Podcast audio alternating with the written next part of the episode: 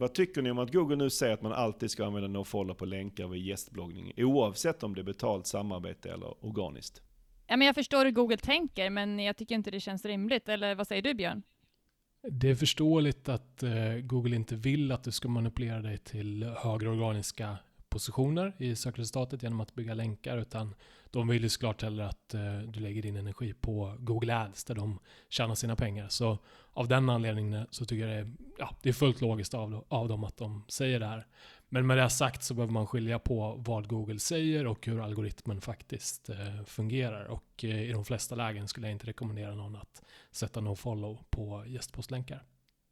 För mig känns det långt ifrån rimligt. Du som har lyssnat eh, tidigare på Sökpodden vet att jag är allmänt frågande till eh, just nofollow. Jag tycker att nofollow är ett arbete som Googles algoritmer ska lösa, inte webbplatsägarna. Eh, men nu när Google även vill att man manuellt ska sätta nofollow för helt organiska saker, då blir det nästan komiskt för mig. Och en annan sak som är lite rolig, det är att det nu är dags för ett nytt avsnitt av Sökpodden. Du lyssnar på Sökpodden, en podcast för dig som gillar Google, SEO och SEM. Sökpodden görs av Pineberry. Varmt välkomna till avsnitt 62 av Sökpodden. Mitt namn är Mikael Wahlgren och idag har jag nöjet att ha med mig Maria Fernholm. Hallå, hallå. Och Björn Budén. Hej, hej. Våra tre ämnen för dagen är Core Web Vitals, auktionsinformation i Google Ads och Facebook Shops. Hur är läget med er idag? Jo men det är strålande bra. Jag sitter här i hemmakontoret och spanar ut över Hästhagen. Kan inte klaga. Dessutom får du podda, eller hur? Ja, men kan det inte är, bli bättre. Nej men det är sant. Lite pricken över i Och hur är det med dig Björn? Jo, det, det är bara bra. Eh, Full rulle. Ska bli skönt med eh, lite semester snart. Mm. Jag hoppas att eh, ni som lyssnar på Sökpodden också mår alldeles förträffligt. Och jag skulle vilja be er om en tjänst. För att är det så att du lyssnar på Sökpodden, då hoppas jag också att du gillar Sökpodden.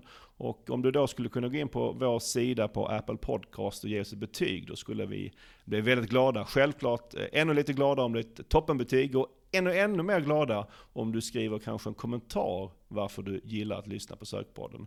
Så gör gärna det, vi skulle uppskatta det väldigt mycket och eh, tusen tack på förhand. Och med det så kör vi igång dagens första ämne.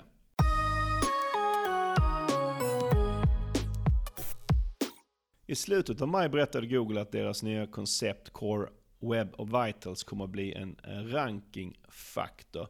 Vi återkommer till vad vi tror om det som rankingfaktor Björn, men du kan väl börja berätta lite om vad Core Web Vitals är för något? Mm, absolut. Eh, I dagsläget så består Core Web Vitals av eh, tre stycken mätetal för att eh, mäta användarvänlighet. Och de tre eh, mätetalen är, det första är largest eh, contentful paint som eh, är den tid det tar att eh, rendera upp en sidas primära innehåll. Och en kort laddtid här indikerar då eh, god användarvänlighet.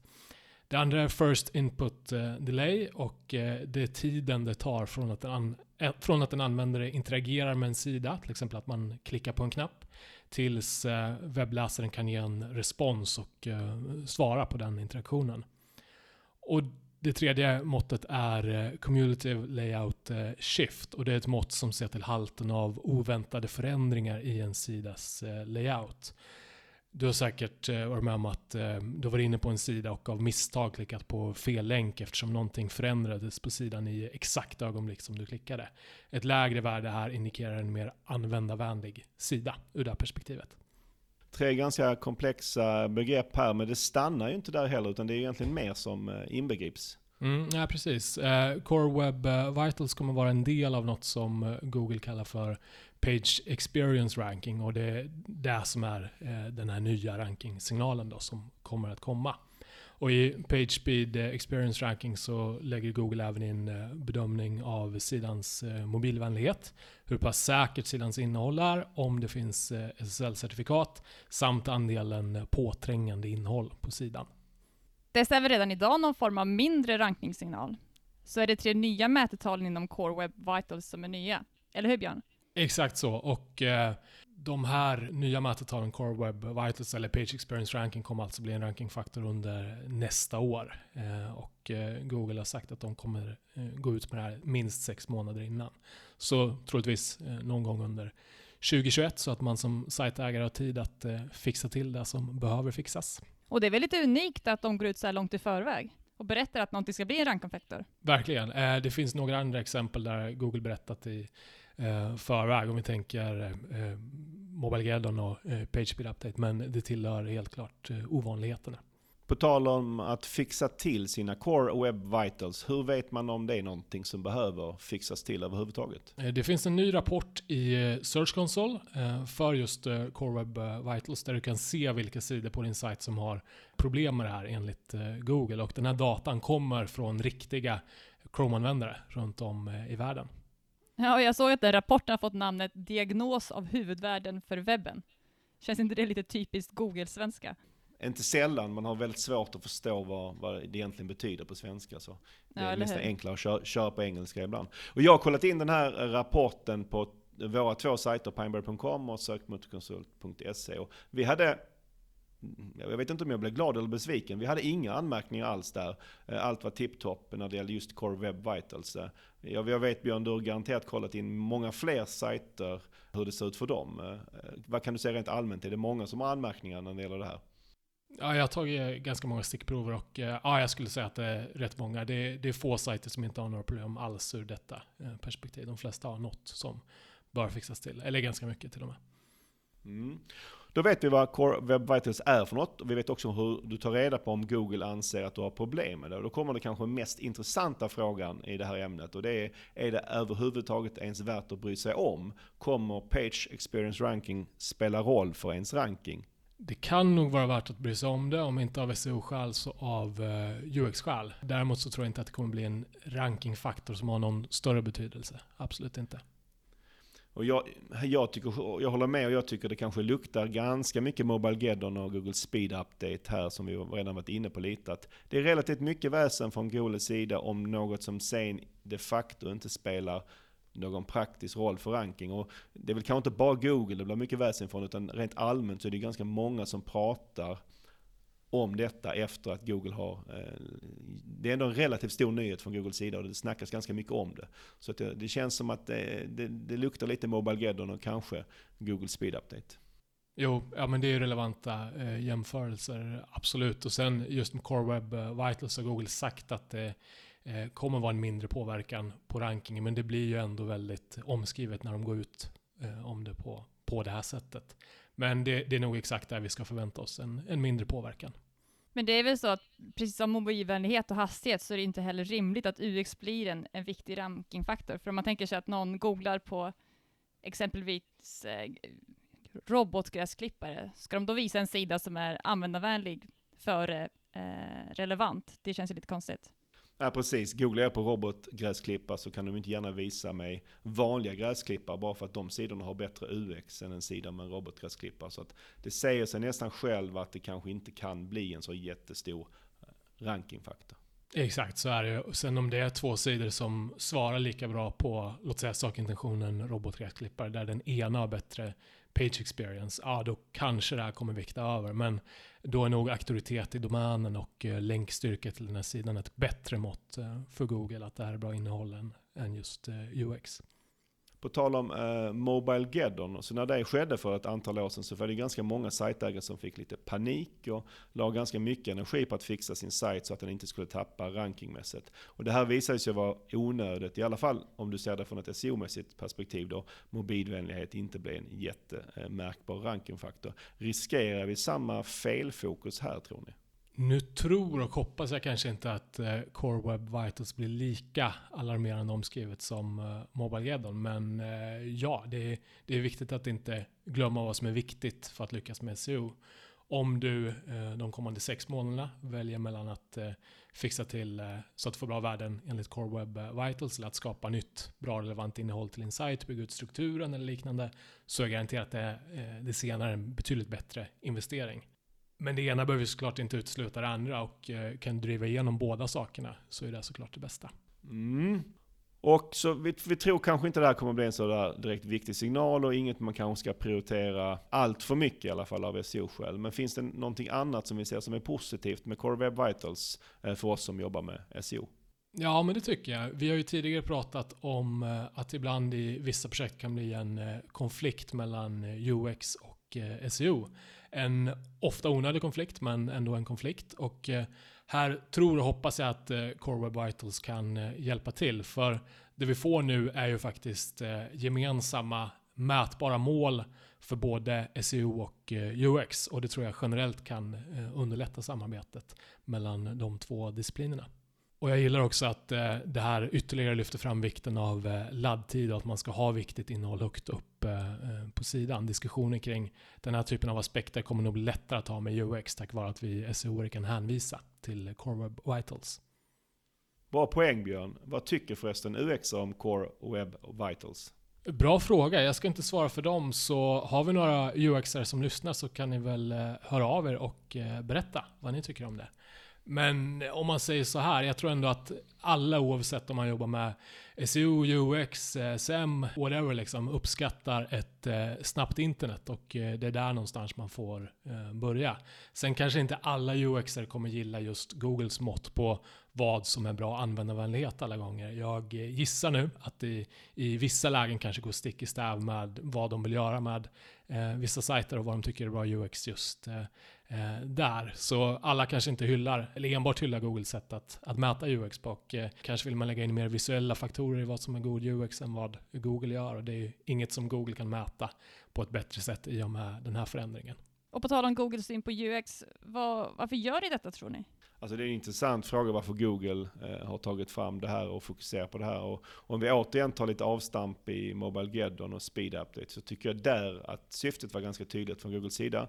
Där ville de ju att, och framförallt på mobilen, att hela Google-upplevelsen skulle bli bra. Att när man googlade så skulle resultaten man klickade på, det skulle gå snabbt, man skulle snabbt hitta sin information. För att om det inte hände så riskerar ju folk att googla mindre, vilket leder till min, minskade intäkter från för Googles sida. Så. Och på något sätt ser jag i alla fall Core Web Vital som kanske lite nästa steg. Om vi nu har i alla fall till viss del fixat mobilvänligheten och påbörjat att fixa laddtiden så är väl kanske nästa sak som Google säger att UX-mässigt så är det också ganska bra.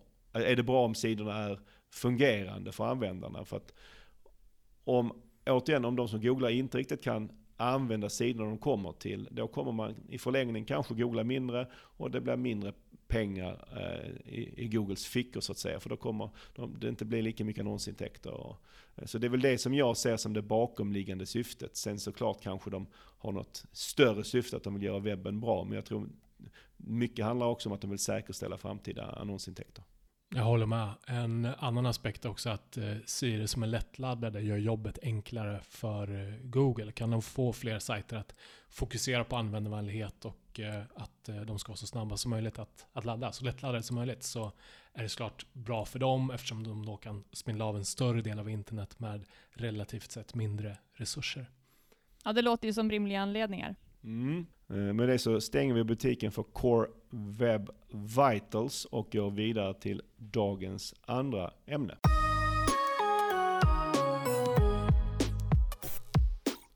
Då ska vi prata om auktionsinformation i Google Ads. Är det något du använder ofta Maria?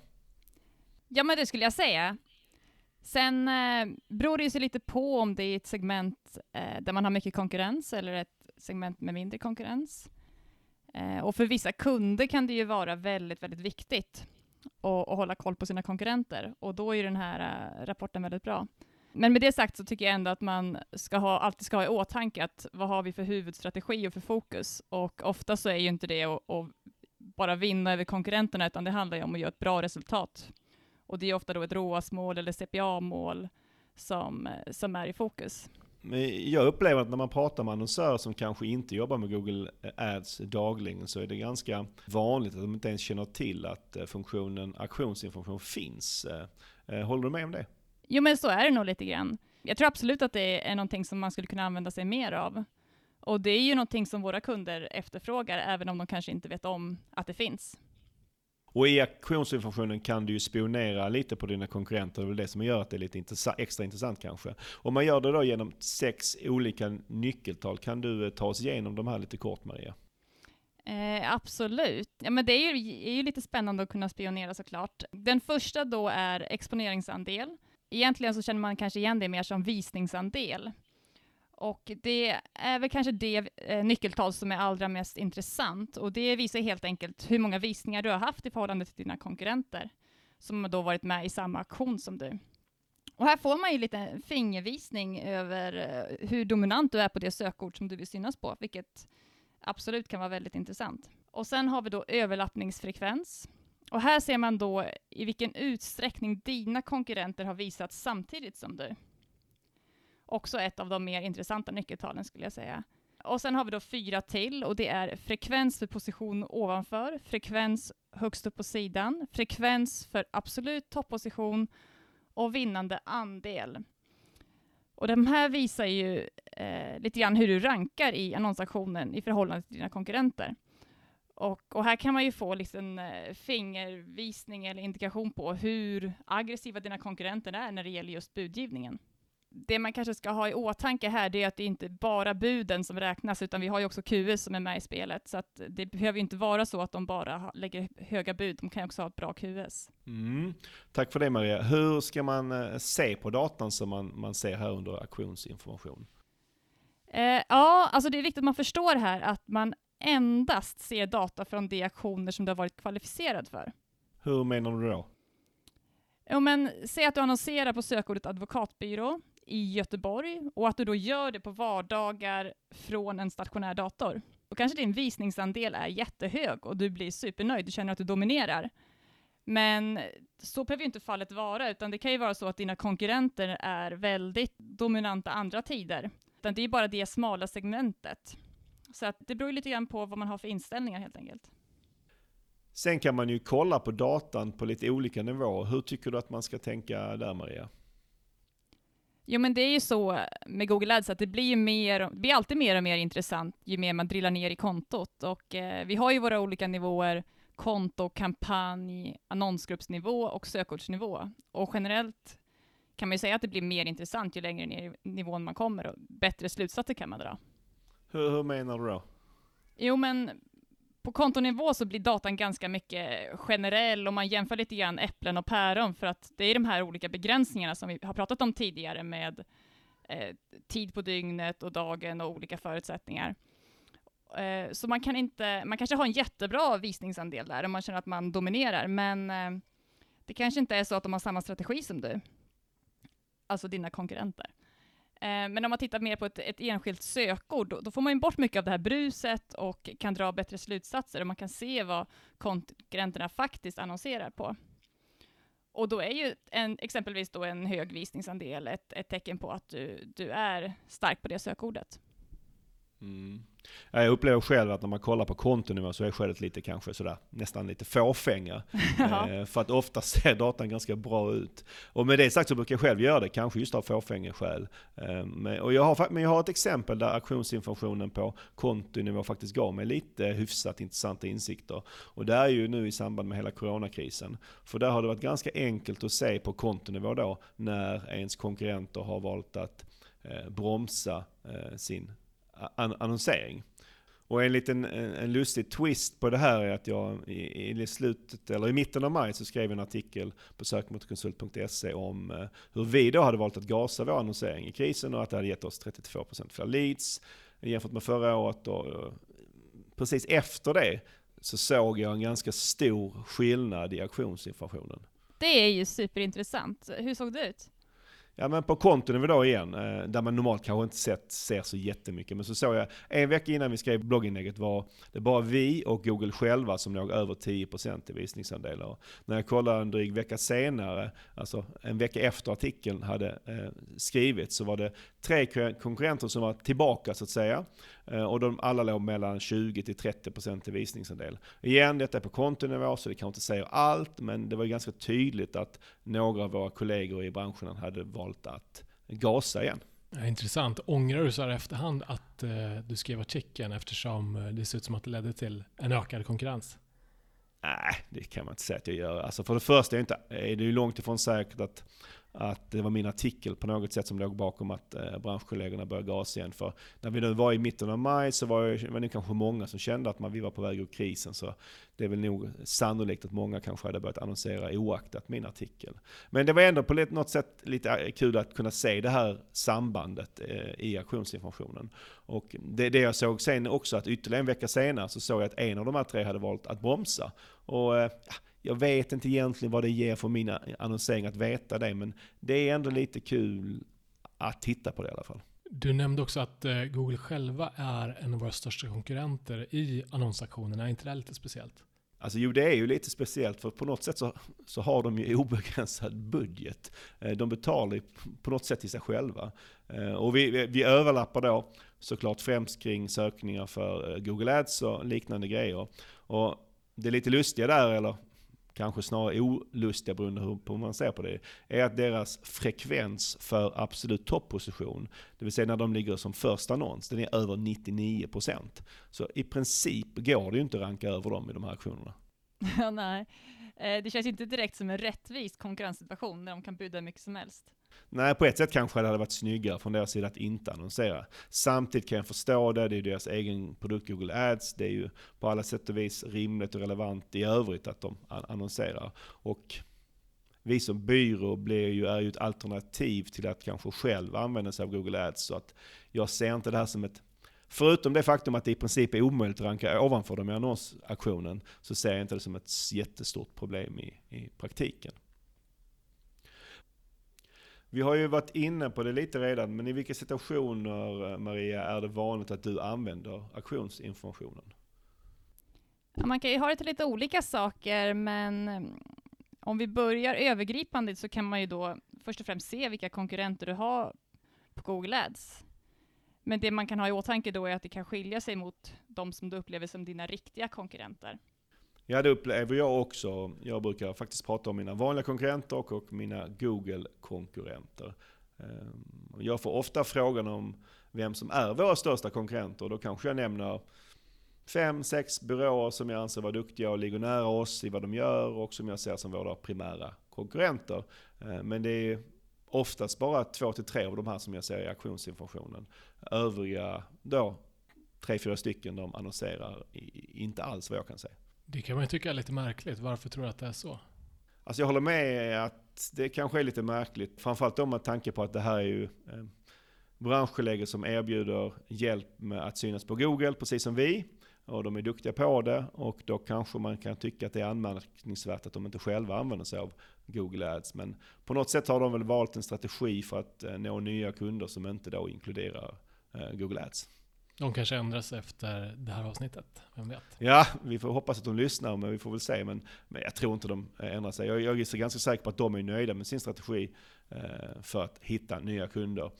Hade du fler situationer Maria, där du använder auktionsinformationen? En situation kan ju vara om du helt plötsligt märker att du får sämre resultat än vanligt. Då vill man ju felsöka och då kan ju vara auktionsinformationen vara ett bra ställe att börja. Ser man då till exempel att man har fått ny konkurrens eller att de eh, Eh, har, eh, går fram hårdare, då kan ju det vara anledningen till att man får ett försämrat resultat. Och sen finns det ju ytterligare eh, fallet när ens kund har en känsla av att den alltid ser sina konkurrenter över dem själva bland annonserna. Och ofta är det ju så att det inte stämmer och, och det kan vi då bevisa med, med hjälp av den här uh, auktionsinformationen. Mm. Ja, det är ju lätt hänt att man bygger en uppfattning över ens, hur ens konkurrenter syns genom att man själv googlar ett par gånger. Det är lätt att det blir liksom lite fel och här har du, får du facit istället. Ja men så är det ju. Och sen är den också bra den här annonsinformationen om man eh, vill kolla vem som annonserar på ditt varumärke. Hur ska man använda de här insikterna man kommer fram till i auktionsinformationen? Är det saker du agerar på eller använder du dem mer för att lära dig saker och så för observation? Ja, alltså det beror lite på. Alltså jag skulle säga att man eh, generellt ska fundera ett varv extra innan man agerar. Och det kanske man eh, generellt ska göra i ett Google-konto, att man ser till att ha rätt data. Men just i det här fallet så kan det vara så att en konkurrent börjar annonsera aggressivare, men det betyder ju inte att det är så att du ska svara med samma mynt. Det är ju viktigt att du här följer din egen strategi och inte hipp-happ börjar ändra bara för att konkurrenterna gör det. Man måste ju alltid komma ihåg, vad har jag för mål? Är det ROAS som är i fokus? Är det CPA? Det är alltid det du ska ha i åtanke när du optimerar. Och tänk på att, att alla har olika förutsättningar, olika budgetar. Och, eh, det är farligt om man börjar tänka för mycket på konkurrensen, då kan man liksom tappa, tappa fokus. Går det illa så går det ut över resultatet. Men eh, alltså det jag tänker på, då man verkligen ska agera, det är ju om någon eh, börjar annonsera aggressivt på ditt varumärke. Och, och det tror jag väl att vi har pratat om tidigare i Sökpodden.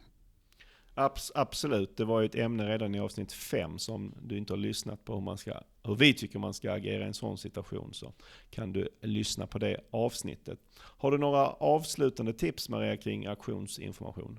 Ja, jag tänker på, eh, framförallt på större konton så kan man ju segmentera ner efter tidpunkt och vilken enhet och, och det kan bli väldigt intressant om man gräver ner på djupet. Då kan man ju exempelvis se då om din visningsandel skiljer sig mellan olika veckodagar, mellan desktop och mobil. Och eh, då kan man ju analysera hur konkurrenterna gör och då kanske man kan få några uppslag eller tankar på hur man själv ska göra.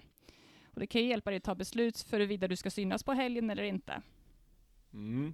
Bra tips Maria. Jag gillar själv också att segmentera och jag använder det bland annat för att titta på hur konkurrenssituationen ändrats över lite längre tid. Där jag filtrerar kanske över månader och år och då kan man då se hur ens konkurrenter har valt att bromsa eller gasa eh, över, över de senaste månaderna eller det senaste året. Kanske ingenting information jag agerar på men det är ändå intressant att, eh, att hålla koll på. Ja, och precis. Och, och det vill jag återigen poängtera, att jag tycker det är så man ska framförallt använda det här, att man analyserar, man håller koll, och sen kan man kanske få lite uppslag och idéer för hur man ska, kan nyttja det då i sin egen eh, optimering. Och det man verkligen ska akta sig för, det är ju att komma igång med någon sån här äh, buda ikapp krig med konkurrenterna, för det kan ju bara bli dyrt. Mm. Det låter klokt Maria. Och med det så lämnar vi spionerandet och auktionsinformationen för idag och så går vi vidare till dagens sista ämne.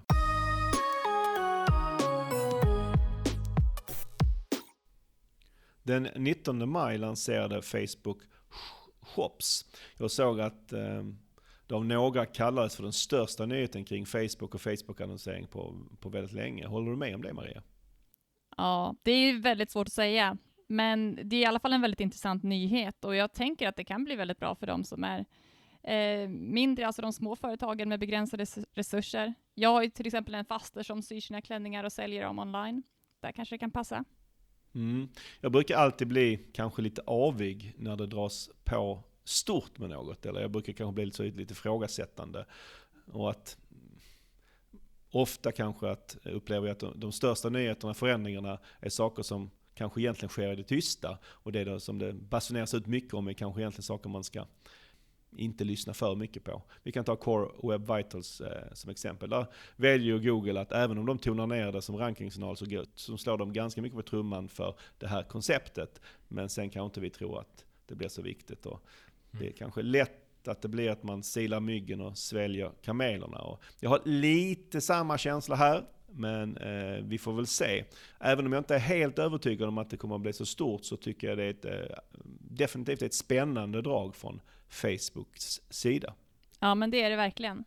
Även om eh, Facebook Shops har bombarderats ut då eh, som en stor nyhet så är det kanske någon som lyssnar som har, eh, har missat vad det är. Vad, vad, vad är det för någonting Maria? Jo men det, det är en ny funktion där företag kan lägga upp produkter och sälja direkt på Facebook. Precis som en, en e-handel fast direkt på Facebook.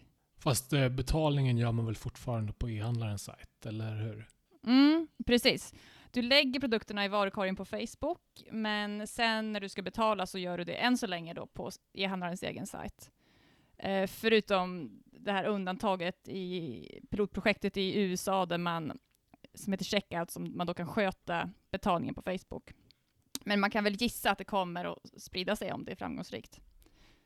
Och sen är det ju gratis att använda Facebook Shops, vilket ju är en av de intressanta detaljerna kring just Facebook Shops. Ja, men precis. Men eh, jag tycker ändå man ska komma ihåg att det är ju bara den här grundtjänsten som är gratis och rimligtvis kommer de ju ta en avgift om det blir så att man kan betala också på Facebook. Ja, men man kan ju ändå jämföra med vad det kostar att sälja via Amazon där de tar ut en avgift när du säljer. Och det är en avgift då för, för, Amazon som, eh, som inkluderar både att du får sälja där och Eh, och det, det, är liksom den delen som kommer att vara gratis på Facebook och transaktionsavgiften för själva betalningen. Och på Amazon kostar det då lite olika beroende på vad det är för produkt du säljer. Men för att ta ett enkelt exempel så den vanligaste nivån är att du betalar 15% i avgift. Vilket är en hel del. Och om vi då tänker att transaktionsavgiften, jag vet inte vad den kan bli på Facebook när de inkluderar det. Men säg att det kommer ligga på ett par procent, det brukar det vara. Eh, då kommer det ju vara betydligt billigare att eh, sälja via Facebook. Och det är kanske här det börjar bli lite intressant. att Hur kan Facebook erbjuda det här då mer eller mindre gratis när Amazon tar rejält betalt? Det är för att de tror att det kommer leda till högre annonsförsäljning. Det, det säger de själva. Så det är en klassisk eh, att man ska tjäna in på gungorna vad man förlorar på karusellerna? Precis så. Och här kan man ju konstatera att Amazon har lyckats med konststycket att både ha och äta kakan. För även de har ju ganska stora annonsintäkter via Amazon Ads, även om deras intäkter från själva e-handeln såklart är större. Eh, och vi har varit inne och nosat på det lite redan, men varför gör Facebook denna satsning? Ja, men de säger själva att det är för att underlätta försäljningen för små och mellanstora e-handlare. Det låter nästan på din röst som att du inte riktigt köper det. Nej, alltså det kan ju vara ett skäl, men jag tror också att det handlar om att de vill ta upp kampen med Amazon. De vill skydda sina annonsintäkter och de vill ju se till såklart att pengarna inte hamnar i Amazons ficka. Ja, de är ju inte ensamma om att eh, tänka så. Shopify lanserade ju sin Amazon-dödare eh, som de kallar Shop i slutet av april och det är ju en ny marknadsplats eh, för alla e-handlare som använder sig av eh, Shopify. Mm. Och Google tog ju redan förra året ett liknande initiativ när de gjorde det möjligt att köpa produkter direkt via Google Shopping. Ja, ja det känns ju som en ganska naturlig utveckling av just eh, shoppingkonceptet på Google.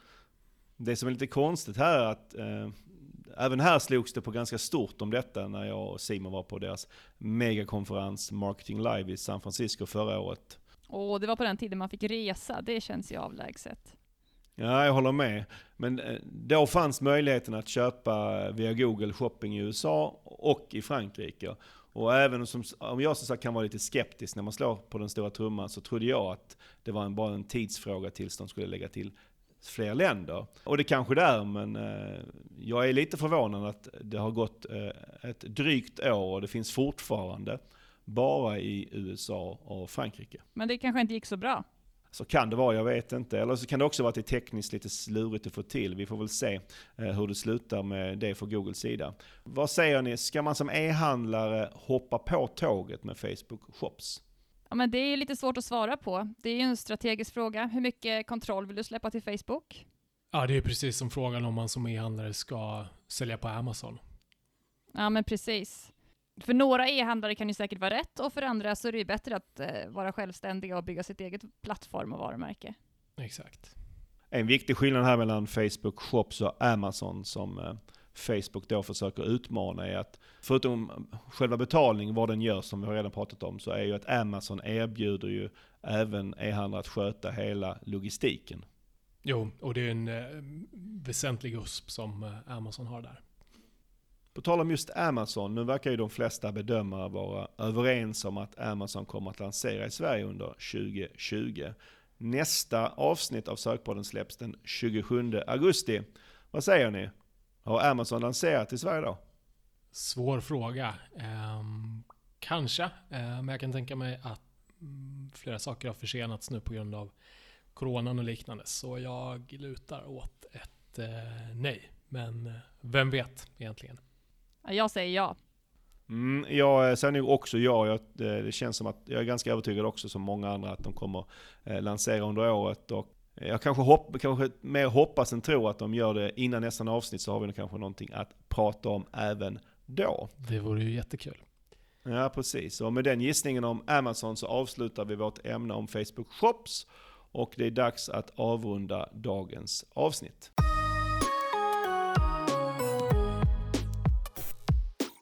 Som vanligt har vi ett podduppehåll i juli och är tillbaka som vanligt i augusti. Har ni några planer för sommaren eller har corona eh, satt stopp för dem?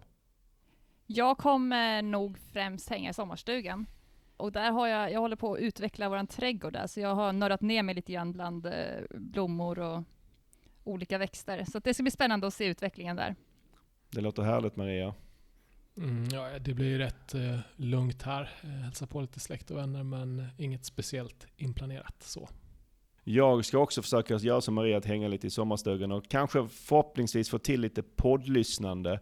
Eh, det gillar jag väldigt mycket. Och är det så att ni har abstinens på sökpodden och eh, känner att ni vill lyssna på någonting annat inom vår bransch så skulle jag vilja ge ett tips på en podd som jag fastnat lite för just nu. Den heter The Paid Search Podcast. Och vi har pratat lite om den eh, tidigare här när vi pratade om Skags. För då hade de ett eh, avsnitt som vi utgick ifrån och de tyckte lite annorlunda än vi när det gällde Skags. Och det är väl kanske det som jag gillar med den här podden som då till 100% handlar om Google Ads. Att, eh, de tycker ofta ganska annorlunda än vad jag tycker och det är alltid lite kul att bli utmanad. Så spana gärna in den podden och är det så att ni vill börja med ett specifikt avsnitt för att testa den så skulle jag kunna rekommendera avsnitt 206 som heter The Hidden Metrics of Google Ads. Eh, de killarna som kör den här, jag tycker de är ganska underhållande även om man måste kanske stå ut med att de är så lite amerikanskt kaxiga stundtals.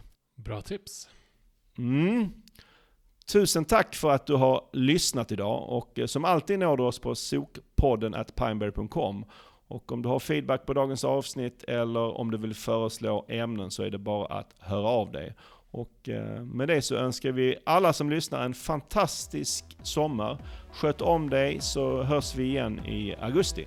Glad sommar! Glad sommar på er!